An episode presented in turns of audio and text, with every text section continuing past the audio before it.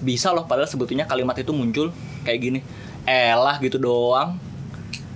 Eh lu jangan kurang iman coba langsung mendekatkan diri aja kepada Allah. Bisa nggak sih udah kalimat itu muncul kepada Maryam seperti itu?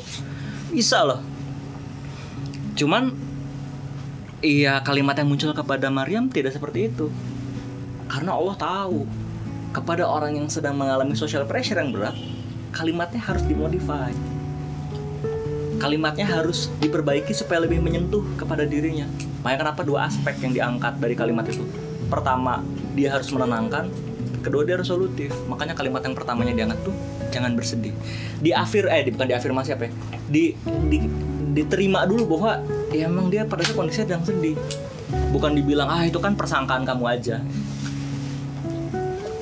Jadi dikasih di oke kan dulu bahwa ya oke kamu sedang bersedih. Nah sekarang coba janganlah bersedih lagi. Dengan kalimat yang keduanya sesungguhnya Tuhanmu gitu kan. itu ada solusinya di situ.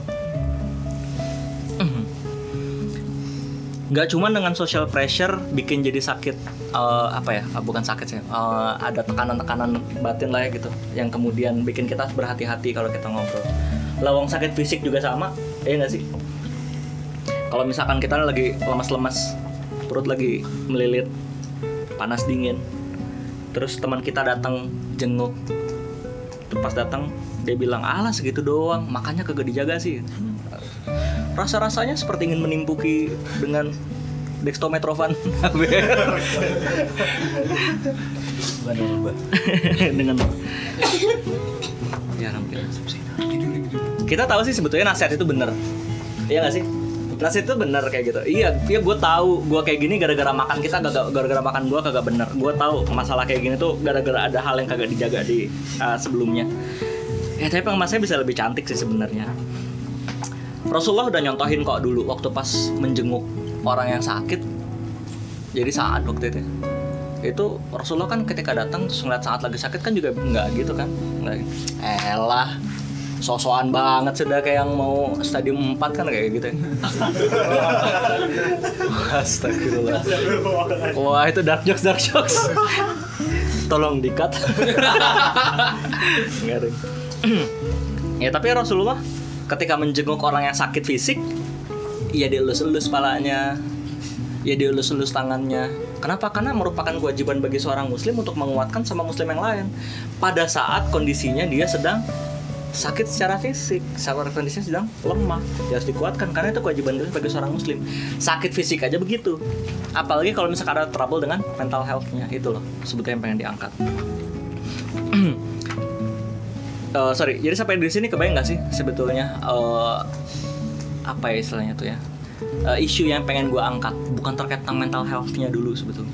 Tapi kadang-kadang environment atau lingkungan buat teman-teman kita yang lagi struggle yang lagi uh, berjuang terkait tentang mental health itu kadang-kadang malah ter apa ya terancam oleh kita kita ini.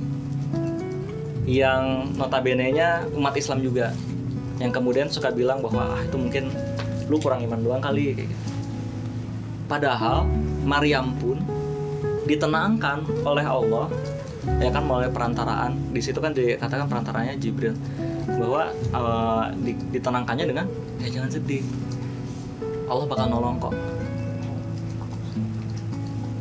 Dan bahkan dikatakan itu datang dari uh, tempat yang rendah gitu kan. Padahal bisa kan sudah datang dari tempat yang tinggi gitu kan. Tapi enggak. Orang kadang kalau misalkan dalam kondisi yang fragile kondisi yang insecure kita emang butuh pendekatan yang smooth.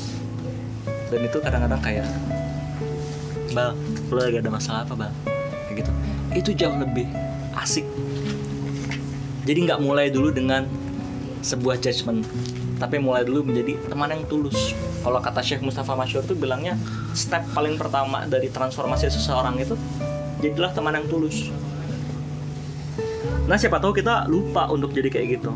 Kan kemarin makanya kenapa kita bahas uhu uhuwa kan kayak gitu ya. Kita bahas tentang uhuwa bahwa uhuwa itu adalah efek efek dari rasa cinta efek dari uh, keimanan kita kepada Allah sehingga ya kita jadi timbul rasa cinta sama teman-teman kita juga. Nah, buat guys-guys semua yang ada di sini, guys dan guys Wati, gue nggak tahu apa ya.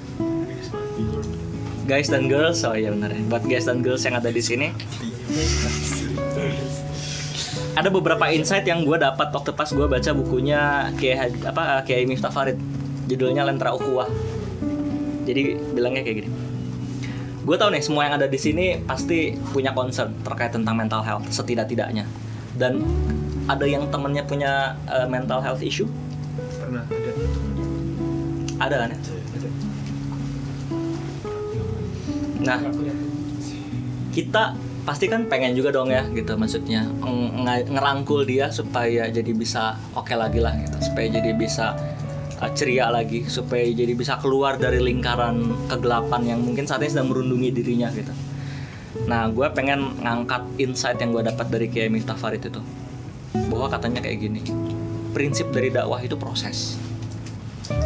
Prinsip dari dakwah itu adalah proses jadi kalau Islam itu agama dakwah, kalau Islam itu din dakwah, artinya secara prinsip Islam itu agama proses. Islam itu prinsipnya sebuah proses. Makanya yang namanya seorang muslim mesti sadar bahwa dirinya itu sedang diproses. Ini buat buat kita semua dulu ya. Ih, eh eh, kalian-kalian semua yang ada di sini, termasuk gua, termasuk yang lagi dengerin podcast ini juga, kita semua lagi diproses loh sama Allah dengan berbagai macam dinamika naik turunnya hidup. Di sini ada nggak ada masalah nggak sih dalam hidupnya? Gue yakin pasti adalah masalah dalam hidup kita. Nah masalah kayak gitu tuh ada sejatinya itu buat ngeproses kita. Kalian yang hadir di sini pada hari ini kan adalah hasil dari prosesan permasalahan-permasalahan kalian sebelumnya kan, ya gak sih?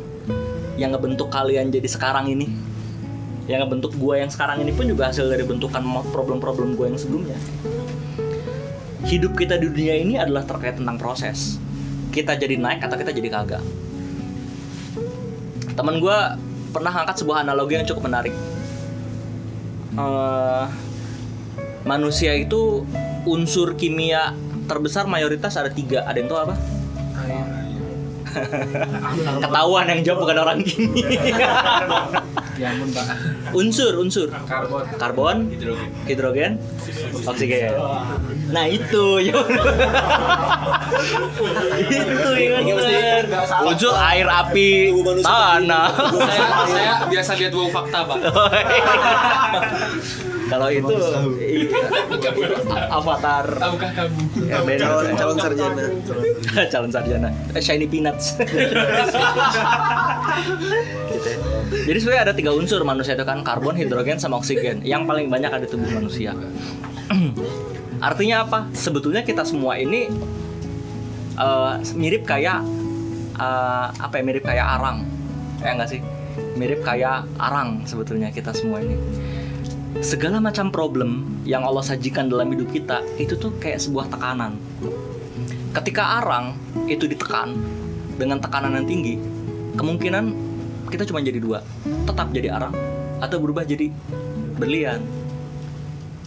Hah? apa Orangnya sih berlian pakai tekanan emang bisa Kan ketika pada teka- pada tekanan kondisi yang tepat, kayak gitu maka dia dapat berubah jadi berlian. Karena sebetulnya Arang berlian iya, itu berlian, arang. karena berlian itu sendiri adalah terusan atas Arang. karbon. Gitu. Karbon dengan struktur tertentu. Nah, jadi kalau misalkan kita terkait tentang pressure dan tekanan dan suhu yang tinggi kita nggak kuat, ya kita bakal tetap jadi arang. Tapi kalau misalkan kita bisa menghadapi itu dengan baik, kita jadi berlian.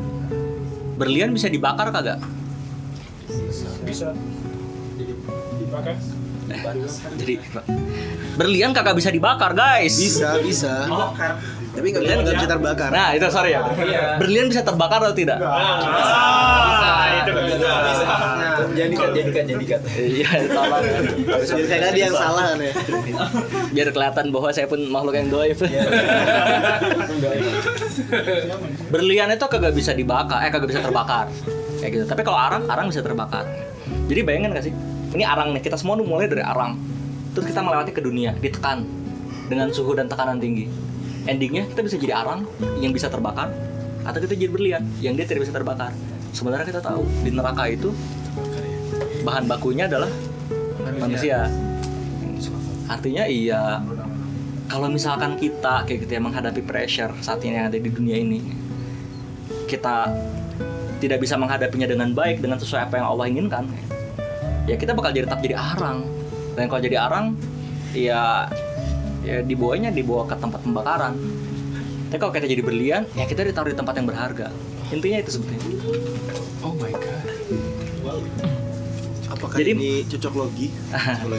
Kan gitu corona. Kalau aku corona kalau aku zamana kagak bang hafal lo gue gitu. Jadi eh, artinya Islam pun menghargai pro Islam pun menghargai proses guys kayak gitu kita ini hidup di dunia ini buat sebuah proses. Kita sampai sekarang masih hidup artinya proses kita belum beres. Masih ada lagi prosesan-prosesan selanjutnya yang Allah tuh mengharap kita itu jadi berlian yang lebih oke lagi. Kayak gitu.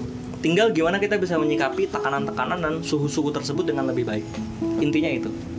Artinya kenapa Islam itu sebagai agama proses sebagai din proses ya supaya kita sadar apa pun yang kita hadapi ke depan termasuk yang sekarang dengan kerisauan-kerisauan yang kalian semua bawa termasuk saya ini adalah sebuah proses buat kita supaya kita jadi makhluk yang lebih oke.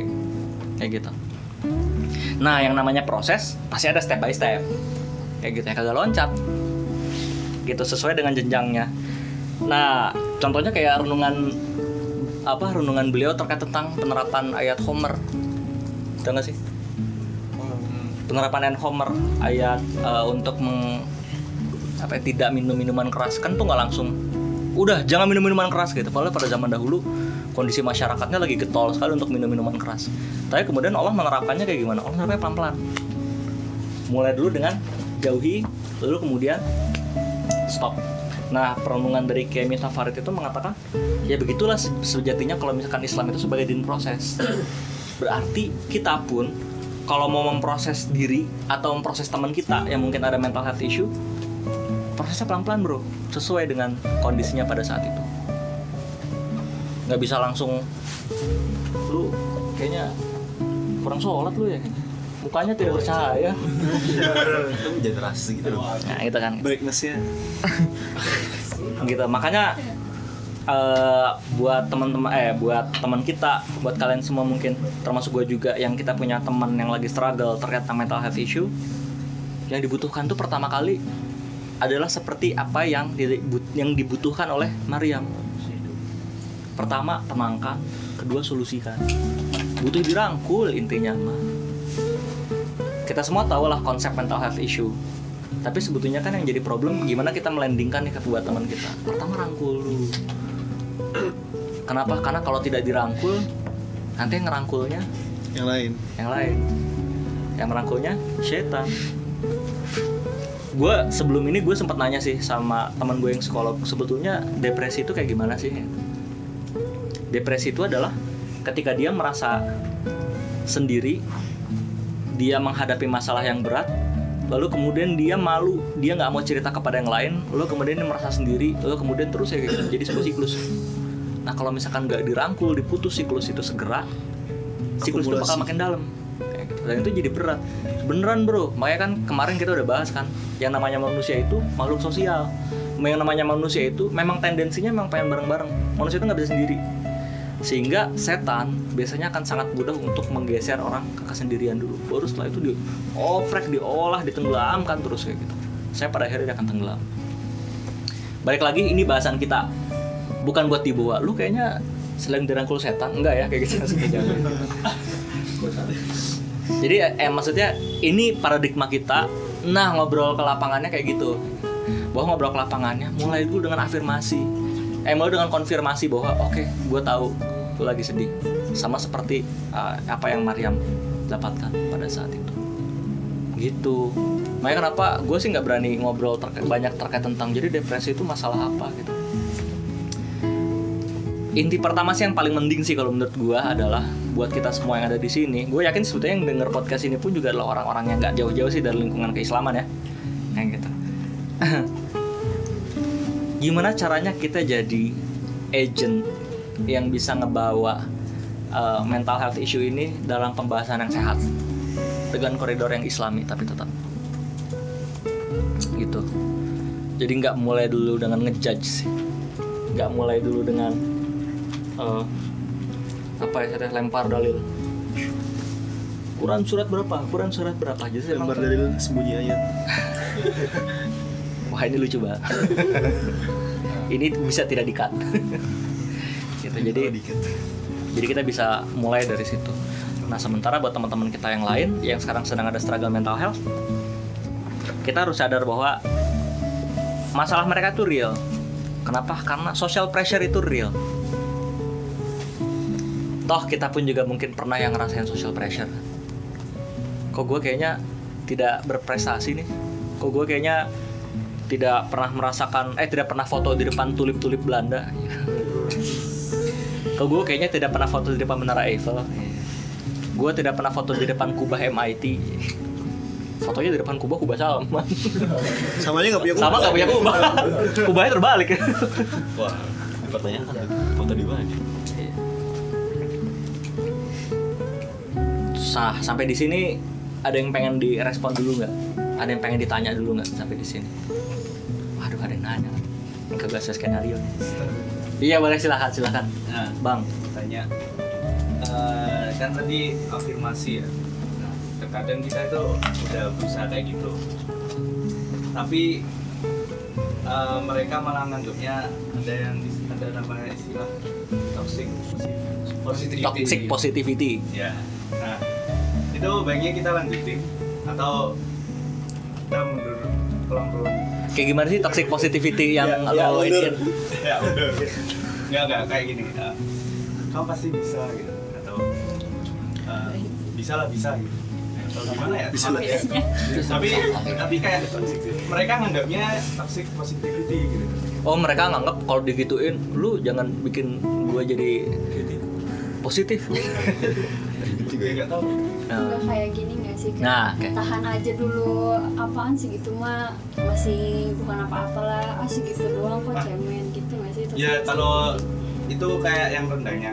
Nah aku aku pernah tanyakan ke orang yang ini temen aku dia sampai gak kuliah. Nah dia eh, dia sampai bosen diajakin temen sehimpunannya. Semangat ya kamu kamu bisa kok gitu. Dan dia nganggapnya seperti itu. Susah ya itu mending kita gimana atau udahlah biarin gitu kata-kata itu ada yang bisa merespon? Kalau kayak gitu gimana tuh? Ya jangan toxic positivity. Iya, iya. terus gimana? Toxic Oh, negativity. eh, waktu itu tuh di trainer ada adalah eh, kayak asistennya LTPB yang cerita gitu tentang yang kayak gitu. Orang-orang yang mereka tuh udah udah ya udah gak tahu lagi lah siapa lagi mau ngomong kayak udah gak percaya sama siapa pun gitu di kampus. Nyampe ada orang yang tiba-tiba nanya mungkin di saat yang tepat dengan nada dan intonasi yang tepat dia nanya gitu. "Eh, kamu gak apa-apa kan? Nah dari situ tuh dia mulai cerita tentang semua bebannya di kampus ini. Nyampe dodonya itu nangis gitu karena saling merasakan gitu berapa berat dan ketika si orang itu curhat tuh gak dibalas dengan ah lu mah belum seberapa gitu. Malah ngebandingin sama dirinya bukan tapi si orang yang nanya itu ngeposisiin dirinya jadi dia gitu. Ternyata ya emang berat bukan berat gitu. Dan ucapan yang direspon pun ya ngebuat si orang itu jadi eh, ngerasa banget gitu. Oh iya. Benar saya merasakan akhirnya dua-duanya nangis gitu. Hmm. Gue juga pernah nanya tuh sama teman gue yang psikolog. Jadi sebetulnya titik pertama kita bisa mutus rantai depresi itu apa sih? Gitu. Cara yang pertamanya adalah orang yang depresi itu gitu ya. Yang gue dapat ya kayak gitu. Adalah karena dia merasa tidak ada yang merasa mengerti dia. Titik intinya itu. Jadi merasa dunia ini bergetar dengan frekuensi yang berbeda dengan frekuensi dirinya. Sehingga dia ngerasa kayak kok kenapa gue out of sync terus ya?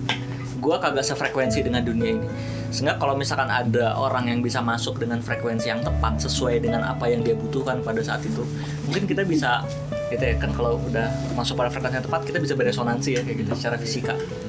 Nah kalau kita udah bisa beresonansi kayak gitu mungkin kita bisa uh, memberikan sebuah uh, mulai masuk ke ranah-ranah yang mungkin agak lebih meningkatkan kualitas dirinya sedikit demi sedikit. Balik lagi kan berproses gitu cuman memang bukan berarti kemudian kita menghilangkan kemampuan kita untuk berempati. Toh da, uh, Mariam pun juga kalimat bagian penggalan pertamanya adalah penggalan kalimat yang empatik kayak gitu kan. Jangan sedih. Bukan dengan itu hanya persangkaanmu nggak kayak gitu kan. Tapi sebetulnya itu kalimat empatik jangan sedih. Baru saya solusikan. Menurut gue kita bisa belajar sih dari situ. Dan kemudian itu datang dari tempat yang rendah. Artinya ya gitu kita mulai dengan dengan kondisi yang membuat dia nyaman. Mulai dari situ dulu. Yang gue pahami terkait tentang toxic positivity itu adalah ketika kita ketika kalimatnya jadi kerasa inflasif sih sebetulnya. Jadi kalimat itu kita keluarkan sampai akhirnya jadi nggak ada maknanya. Lu pasti bisa lu pasti bisa. Lu ulang 100 kali itu lu pasti bisa itu kagak ada maknanya tuh. Sama kayak lu ngomong coba ngomong ancol 100 kali. Yakin ke 60 sekian kayak gitu itu ancol itu kagak ada kagak ada ini kagak ada kagak ada rasanya. Ancol ancol ancol ancol ancol ancol. Kita nggak ngerasa ancol ini kata apaan sih? kayak gue ya. Nah sama kayak gitu. Ketika itu kita ulang terus terus kayak gitu itu nanti maknanya jadi hilang.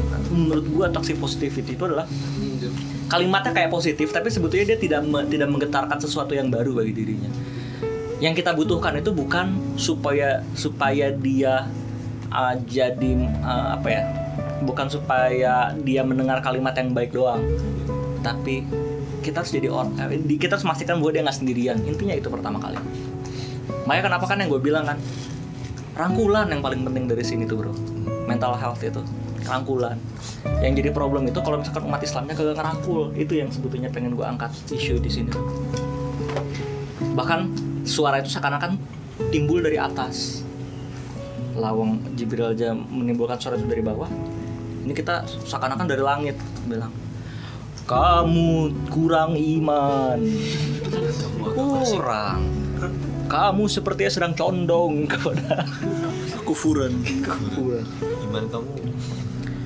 Gitu. Jadi sebetulnya uh, gue nggak tahu mungkin apa yang tepat dengan itu tapi menurut gue dari apa yang kita diskusikan di sini mungkin uh, bisa jadi cocok atau bisa jadi nggak cocok. Tapi kita bisa bikin sebuah resep yang umum kayak kita dari apa dari obrolan kita di sini yang tadi terkait tentang uh, apa ya tok bukan toxic positif bagaimana kita memberikan hawa positif buat teman kita gitu. gitu ada lagi mungkin? Tambahin? Boleh. Nggak boleh? Nggak boleh. ya boleh. Kalau seandainya ini Kalian pernah baca apa namanya Papernya ini ya Yakin Institute? Di situ ada tentang jelasin tentang mental health sebenarnya. Itu aku nggak tahu ya Itu ini eh, seorang researcher yang ngomong ya. Jadi saya berpas tangan akan hujahnya semua. Jadi itu mirip apa yang dibilang Dimas bahwa eh, ya, Kalian pernah dengerin nggak riset Finland? Kalau nggak salah itu jadi negara yang paling bahagia. Ya, ya. ya kan? Terusnya eh, Uganda atau apa gitu itu tuh nggak bahagia. Sementara kalau ngeliat Finland tuh termasuk negara yang tingkat bunuh diri tuh tinggi. Hmm. ya kan? Terus saya pertanyaan akhirnya jadi sebenarnya bahagia itu apa maksudnya? Oh itu. Itu yang pertanyaan itu ya? iya definisi bahagia yang dimaksud tuh apa gitu kan? Hmm. ternyata ketika diusik ketika ditelusuri ya bahagia itu ternyata tingkat apa kekayaan tingkat lagi harta tingkat kesejahteraan. kesejahteraan. Kekayaan harta sejahtera sepertinya sama. Ya, berarti dengan itu gitu, dengan hal-hal yang materialistik gitu. Sementara kosannya parameter itu Uganda jelas. Nggak nggak bahagia lah ya. Iya, tapi ternyata Uganda tuh rendah tingkat tingkat bunuh dirinya gitu. Terus akhirnya pertanyaan, ternyata ketika ketika itu terus berlanjut yang paling membedakan antara Finland sama Uganda ini Uganda tuh apa? Aku lupa. Atau Sudan atau Sudan ya negara muslim pokoknya. Hmm. ya kan? Itu ternyata orang-orang yang dari negara muslim ini negara Afrika ini itu tahu hidup itu apa. Hmm. dia tahu hidup itu kapan. Ya kan? sementara Flynn itu nggak tahu. Mereka tuh mak hidupnya tuh kayak yo gue gue ngapain ya hidup di ini nih apa gue nyari duit dan nyari duit habis itu apa lagi gitu kan. Akhirnya nggak bahagia gitu. Dan jadi lucu kalau seandainya ngeliat di negara miskin ini tuh mereka kan emang nggak punya uang ya. Kalau seandainya akhirnya nyari kebahagiaan lewat materi kan nggak mungkin gak sih? Yang sih akhirnya akhirnya kalau pikirnya jadi oh gue mesti ngapain nih untuk bahagia kan? Dan akhirnya mungkin mereka juga orang muslim akhirnya bahwa oh gue hidup di ini untuk untuk untuk masuk surga gitu kan apa pun yang terjadi? Rezeki kan udah diatur oleh Allah gitu. Apa pun terjadi? Yang penting gue berikhtiar maksimal mungkin untuk akhirnya dapat pahala gitu. Dan akhirnya beramal baik gitu kan. Dan akhirnya ya udah gitu. It's okay apa pun keadaannya.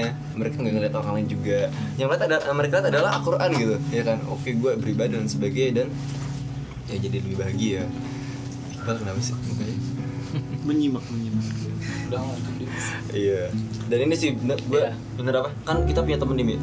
Hmm. Ya teman kita kan Iya. Eh, i- imajiner atau itu? Iya itu teman. Inisial astagfirullah. Jangan lah. Itu eh bisa nggak ya? ya ada lah. ada lah pokoknya Ada. lah ada lah dan dia emang punya punya punya mental health dan kita aku pun bersadar bahwa oh, ternyata bentar tadi dibahas yang terpenting usaha ITR kita paling paling minim gitu itu adalah temenin pastikan dia sadar bahwa kita tuh ada di sampingnya dia gitu kalau ada apa-apa dia tahu harus ke mana paling gak tuh gitu kalau sekarang kita ngomongin tadi toxic positivity ya Hmm. kan ganggu ya karena kita terus terus kan nah mungkin kita bisa tadi tuh hadir cukup hadir gitu sehingga kalau misalnya ada waktu yang tepat atau dia kayak oh, gue nggak tahan gitu gue aku kayak akan menghubungi Iqbal oke lanjut sekian Kang, mungkin mau nambahin hampir kalah ini tadi boleh nggak? Boleh. Jadi mungkin ini sih orang juga ngerasain masa di jurusan mungkin. Sih ada beberapa orang tuh yang kayak ngasih semangat dan sebagainya itu hanya formalitas, tidak tulus dari hati gitu. Hmm. Jadinya kan kayak gitu kan ya semangat yang cuman formalitas itu nggak nggak bisa bergetar sampai ke relung kolbu. Kenapa? Karena sebetulnya yang menggerakkan kolbu kita itu mestinya bukan bukan lidah bukan lidah ini. Yang menggerakkan kolbu kita itu harus sama kolbu kayak gitu. Makanya kenapa emang ya kalau kemarin kita bahas ukhuwah itu harusnya adalah getaran antara kolbu dengan kolbu bukan daging dengan daging. sama kayak katanya ini Marcel F. Ya dari hati turun ke hati. Waduh. Siapa rakyat NKCTI? Aduh. Nah, mungkin ini kali ya bisa bisa gua rap mungkin ya kayak gitu karena udah jam segini juga. Apa yang dari hati akan sampai ke hati. Iya. Gue pengen uh, ini gue pengen menyimpulkan mungkin jadi jadi jadi dua jadi dua hal. Gue tahu uh, asik bener yang sekarang mungkin agak beda bobotnya. Kenapa? Karena kita membicarakan dua sisi sekaligus. Kita berbicara teman-teman kita dan kita berbicara kita. Kita yang akan bantu teman-teman kita kayak gitu. Nah makanya gue coba wrap up jadi dua sisi. Uh, sisi yang pertama buat teman-teman kita mungkin yang sedang mengalami struggle uh, di mental health, kita harus sadar sih bahwa emang lingkungan kita itu sekarang ini ya itu cenderung nggak sehat. Sebenarnya kita harus sadar itu dulu. Kenapa? Karena era digital yang mempercepat penyebaran informasi yang mestinya positif itu juga mempercepat penyebaran informasi mengintip kehidupan orang gitu. Kita jadi bisa ngelihat oh ternyata kayak gitu ya hidup yang enak ya. Oh ternyata kayak gitu ya hidup yang bagus ya. Oh ternyata kayak gitu yang disebut sukses kayak gitu yang disebut mapan kayak gitu yang disebut uh, cerdas kayak gitu yang disebut baik dan sebagainya. Tiba-tiba kita mudah sekali untuk uh, mengukur-ngukur diri terhadap orang lain yang mungkin itu baru sekelumit dari kehidupan dia. Dan kemudian yang muncul rasanya adalah rasa insecurity Nah, makanya kenapa buat gua gitu ya, buat teman-teman kita, we need safe space. gitu. Kita butuh ada sebuah tempat yang aman. Eh, tempat yang aman buat kita menyingkir sejenak dari penghakiman sosial, buat memandang hal-hal tersebut secara objektif dan menyadari bahwa bukan label sukses, bukan label eh, cerdas, bukan label baik yang sebetulnya dikejar oleh Allah. Tapi label yang hanya Allah pedulikan itu hanya satu label, itu label ketakwaan. Nah kita butuh sebuah tempat itu. Kita butuh safe space itu. Uh, teman gue melihara ikan, kolam ikan. Cupang, cupang. Udah cuman gitu dong gue pengen cerita doang. teman gue melihara ikan, dia dia punya kolam ikan. Uh, dia ma- dia masukin koi kayak gitu loh. Ya uh, di di apa di air di kolam ikan itu. Kemudian mati, dia masukin koi lagi mati. Itu berkali-kali sebenarnya dia bingung kenapa ikan-ikan gue mati ya kayak gitu. Paling ikan yang masuk itu sehat. Apakah gue ditipu sama pembelinya? Penjual. eh sama penjualnya gitu. Ternyata problemnya satu masalah manajemen ikan itu. Ketika kita pengen bikin kolam ikan yang baik kita bukan berbicara tentang ikannya. Kita berbicara tentang airnya. Coba ya nggak? Ikan yang sehat itu sebetulnya adalah yang diperhatikan pertama kali bukan ikannya objeknya tapi airnya. Ketika airnya salah ikan sesehat apa pun masuk situ iya jadi kelepak-kelepak makanya kenapa eh, kita ngobrol terkait hal ini kita ngobrol terkait tentang apa yang terjadi di society itu susah. Kalau kita ngobrolnya satu persatu. Ya kita harus ngobrol as a society ngobrol dalam skala masyarakat. Apa yang terjadi saat ini? Maka apa yang gue angkat yang salah di masyarakat sekarang ini adalah social pressure nih. Kayak gitu loh. Tekanan sosial untuk label-label yang menurut gue itu kayaknya ada salah pasang. Bahwa yang keren itu yang kayak siapa? Bahwa yang sukses itu kayak siapa? Sehingga itu bikin jadi eh, tekanan-tekanan yang berat yang bagi sebagian orang mungkin nggak apa tidak bisa apa ya tidak bisa mencapai hal itu. Gitu. Dan sebetulnya kalau boleh spoiler mungkin satu hal yang sebetulnya lagi pengen dibangun uh, kan gue bikin yang eh, Indonesia Creative Music Network kan kayak gitu.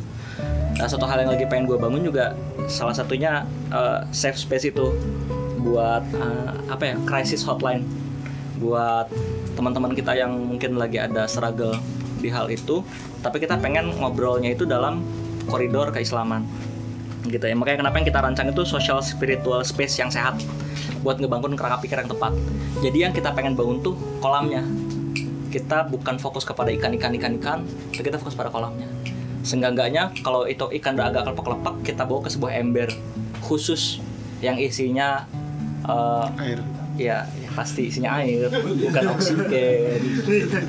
Cuman ayam memang eh, sudah dikontrol lah kayak gitu itu yang pertama buat teman-teman kita. Kita harus menyadari hal itu yang terjadi. Nah yang kedua nih buat kita yang ada di sini. Buat teman-teman buat teman-teman yang ada di sini. Kita harus sadar bro bahwa dakwah itu prinsipnya proses. Dakwah itu prinsipnya proses. Makanya kadang kenapa kadang gue juga khawatir kalau misalkan mungkin kita sedikit, sedikit ngobrol tentang asik bener ya. Makanya kadang gue juga khawatir kalau misalkan kemudian asik bener ini uh, bergulir menjadi sebuah produksi konten gitu. Jadi ya yang kita kejar konten padahal sebetulnya asik bener itu bukan tentang konten asik bener itu terkait rangkulan takutnya kita lupa makna bahwa dakwah itu adalah sebuah rangkulan gitu. dakwah itu sebuah proses bagi kita dan orang lain. Dakwah itu kita mencoba menapaki sebuah apa tangga bareng-bareng. Kayak gitu. Dakwah itu itu. Bukan sekedar seruan woi sholat woi. Bukan gitu. Tapi kita ngerangkul bro yuk sholat. Gitu. Kebayang nggak bedanya? Rasanya beda kan? Nah sebetulnya dakwah itu kayak gitu nah asik bener pun jangan sampai kemudian kita slip berproses kemudian jadi sebuah penggalan-penggalan konten. Pernah nggak sih kita coba ngecek berapa banyak sih yang bertransformasi di asik bener ini? Berapa banyak sih yang kemudian jadi oh iya nih gue akhirnya jadi ketemu sebuah hal yang baru. Oh akhirnya nih gue jadi ngeh uh, ada satu hal yang pengen gue perbaiki walaupun isinya hahihi ya kayak gitu. Kan sebetulnya kan itu asik bener. Bukan asik tapi asik bener kan karena kalau misalkan podcast Islami sebenarnya udah banyak yang bikin ya nggak sih? Ah, Hawariun lah iya Felix lah kayak gitu. Iya. Apa? Ya, ya Farah Konita ya aroma. Kenapa ketawa pak? Saya nyebut aroma. daya ganggu ya. Itu banyak podcast Islami itu. dan bahkan orangnya orangnya lebih kredibel daripada gua kayak gitu. Gua yang kayak gini.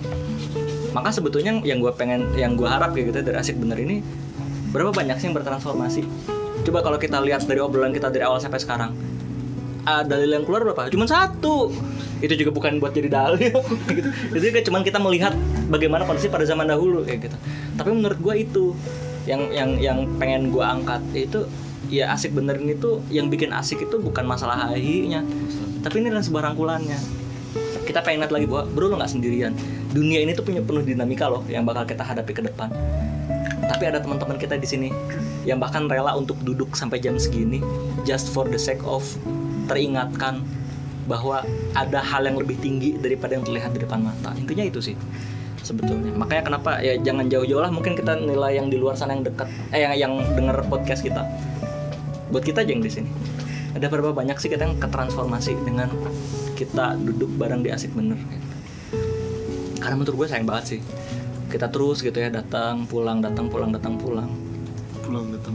Pulang datang. Datang pulang. Tapi ya udah cuman sekedar oh ya udahlah kita ah, denger dapat sesuatu terus itu pulang. Lupa nggak ada perubahan lagi terus selanjutnya.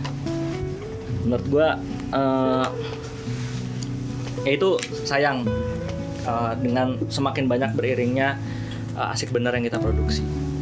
Itu maka kenapa ya apa ya eh, ke depannya kita harus nyadar lagi bahwa asik bener is not for bukan cuman bukan bukan is not ya.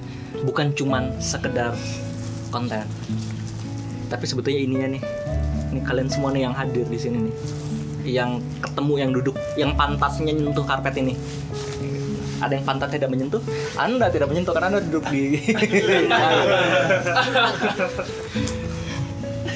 This is social spiritual spaces dan sebetulnya ini yang dibutuhkan oleh ruh-ruh kita. Karena kalau misalkan kita cuma butuh ilmu, kalau kita kalau misalkan ternyata kita bisa jadi benar hanya dengan bacaan niscaya Allah menciptakan kita cuma dengan mata. Ya sih? Kalau misalkan Allah uh, bisa menyusupkan hidayah hanya dalam sekedar mendengar mungkin ya udah aja Allah cukup cukup membuat kita itu isinya muka kita kosong cuma kuping. Lubang kupingnya dua. Gitu. Tapi Allah menciptakan kita tuh lengkap ya ada tangannya ya ada pantatnya ya ada kakinya ya ada badannya. Kenapa? Karena semua inilah alat bagi kita untuk merangkul. Ya kita ada kaki buat buat jalan-jalan bareng ada tangan buat melangkah bareng ada mulut buat memberikan hal-hal yang baik ada mata untuk kita ngajak lihat hal-hal yang asik kayak gitu. Ada hidung buat mengendus mengendus ada kuping buat tadi kata gue lewat ya ada kuping mencium minuman makan makan halal Iya mencoba. gitu bro. Jadi eh, teman-teman kita yang yang di sana mungkin butuh safe space. Tapi jangan disangka yang di sini nggak butuh safe space. Kita butuh safe space. Kita butuh tempat yang kondusif buat bisa ingat. Bukan cuma sekedar ilmu, tapi bisa ingat bareng. Itu sih intinya ingat bareng. Gitu. Nah semoga eh, dengan dua hal yang tadi dengan hal yang tadi buat teman kita dan juga buat kita ada perubahan sih. Karena yang pengen kita buat tuh transformasi kan. Bukan cuman sekedar menyeru semata. Gitu. Barakallahu fi walakum. Berat ya kayak kita emangnya hari ini. Iya memang topiknya berat ya kita tentang mental health. Tapi gue pengen menyentuhnya ke core-nya tadi sih sebetulnya. Pertama terkait tentang labeling yang kurang sehat di tengah masyarakat. Yang kedua bro kita harus lebih peka lagi sih sama teman-teman kita itu aja. Dimulai dari sini. Barakallahu fi walakum Barakallah. kalau misalkan dari gua segitu aja kayaknya. Eh, mohon maaf kalau ada yang kurang karena gue pun juga masih belajar. Gue juga ini bikin catatan-catatan karena gue yakin kalau gue langsung ngomong akan banyak hal yang salah dan lupa. Gitu jadi mohon maaf kalau misalkan ada yang salah yang salah pasti datangnya dari gue yang benar datangnya hanya dari Allah subhanahu wa taala. Semoga bermanfaat buat teman-teman semuanya. Semoga ini nggak berakhir jadi sebuah konten doang. Tapi sebetulnya ini yang harus terbentuk. Kumpulan-kumpulan yang harus terbentuk. Jazakumullah khairan kasiran assalamualaikum warahmatullahi wabarakatuh. Waalaikumsalam warahmatullahi wabarakatuh